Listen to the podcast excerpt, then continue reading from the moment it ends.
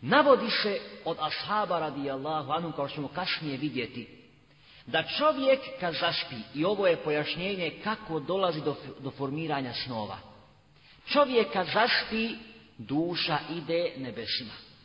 Čovjek kad zašpi. Ona duša koja dođe do arša i koja je čista, dozvolio je se da padne na sečtu.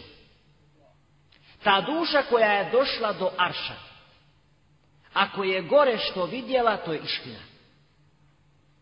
Duša koja je nečista, ili kako kaže e, Ibn Mas'ud ili je džunup, takvoj se duši ne dozvoljava sežda kod Arša. I takva se duša vraća zemlji prije Arša. Prije nego što dođe do Arša. U toku njenog povratka sreće je šeitan. I onda i nabuba ovo, nabuba ono i to je laž. Dakle, lažan san dolazi onda kada duša ne bude prihvaćana na nebesu. A to je duša džunupa, čovjek koji je džunup, koji je nečist, ili duša griješnika. U povratku, nakon što bude vraćena od Arša, u povratku šeitan je predusreće i baja joj svoju priču. To je lažan san. A ona koja je došla do do, do Arša i tamo ako je što vidjela, to je znak da je san istinit. Dakle, da skratimo svoj sponova koji može biti e, istinski, san ili istiniti san. To je onaj ko živi praktični islam čisto iskreno. Da skratimo dakle. Koji zaista praktikuje u svom životu sve ono što traže od njega Allah i poslanik sallallahu Da skratimo da ne bismo duljili.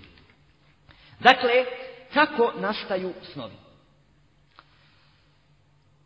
To smo ukratko pojasnili, ali ovdje još ostaje jedna jako zanimljiva predaja koju, koja se veže za Omara radijallahu anhu i Aliju radijallahu anhu.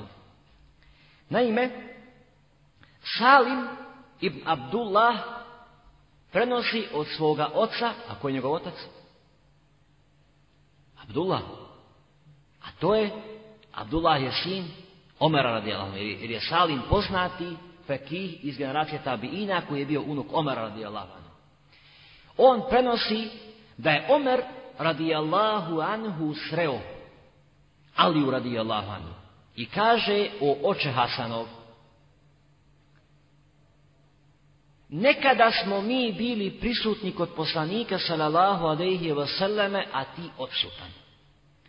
Nekada smo mi bili odsutni, a ti prisutan. Želim te pitati tri pitanja. Još najniha odgovor našao nisam.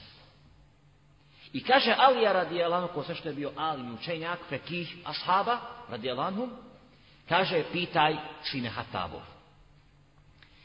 Objasni mi šta je to. Čovjek voli čovjeka, a nikad od njega hajra vidio nije.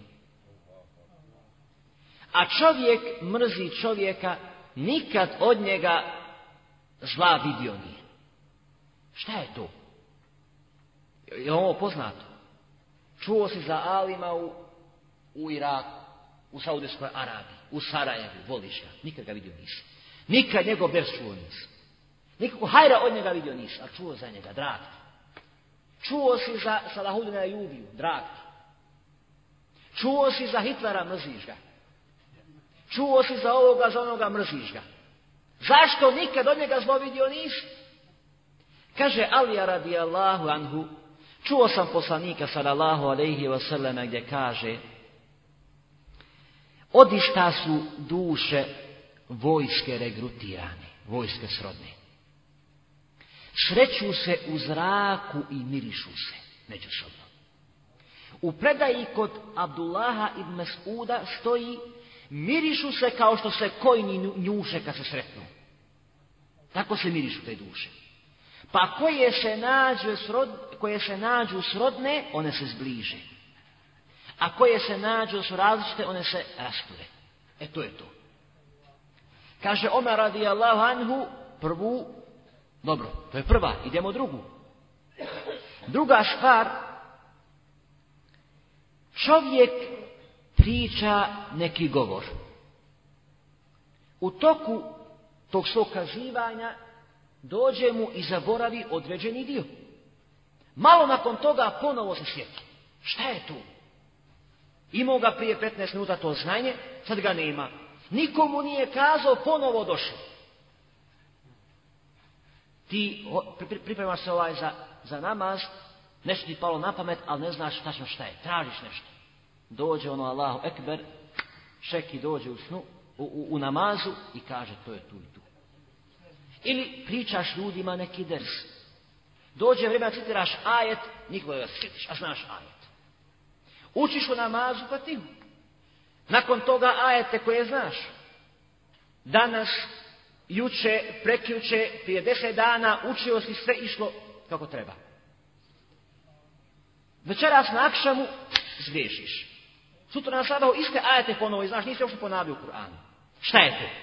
Kaže Alija radijallahu anhu, čuo sam poslanika sallallahu alaihi sallame, da srce ima oblake kao što ih ima mjesec. Kada oblaci prekriju mjesec, pomrači se. Tako i oblaci srce. Kada prekriju srce, čovjek zaboravi. Gubi pamćenje. Kad se sklone, ono se vraća. To je, kaže, druga. Daj treću. Treća je, kaže, šta je to čovjek vidi snove? Neki su istina, neki su važni. Kaže Alija radijallahu anhu, kada se čovjek zadubi u san. Nekad ovo prikujemo kad se zadubi. Duša napušta tijelo i ide prema aršu. Ide prema aršu, zato ona koja se ne probudi prije arša, to je ona koja je vidjela i san. I to ono što prije pojasnili, to je čista duša.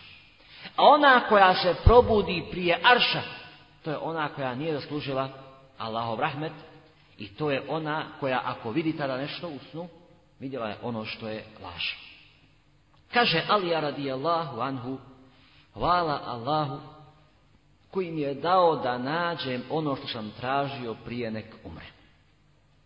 Dakle, ova predaja govori o tri jako zanimljive stvari, a nas se tiče ova treća, kako nastaju snovi.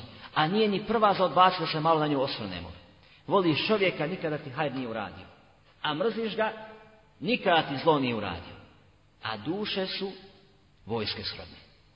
Danas sam pričao o braći o jednom Egipćaninu koji je bio mušrik. Mušrik to je neka vrsta vaspitača, nadzornika u internatu gdje smo spavali u Rijadu za vrijeme učenja arabskog jezika.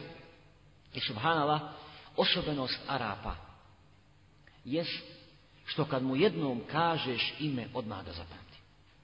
To je čudo jedno. Dok kod nas kazao ti ime čovjek, ti zaboravio. Nemate, nigdje te nema. I jednom dođem i pitam ga. Nas četvorica bošnjaka sjedimo kod njega na čaj. Prvi puta ga srećemo. Dođem drugi puta i on me pozove po imenu. Ja ga pitam kako zapamti ime, jer ako spava tvoje nisam zapamtio ko halal. Bilo je malo stidno. Kaže, zato što ja ljude volim u ime Allaha mu'mine.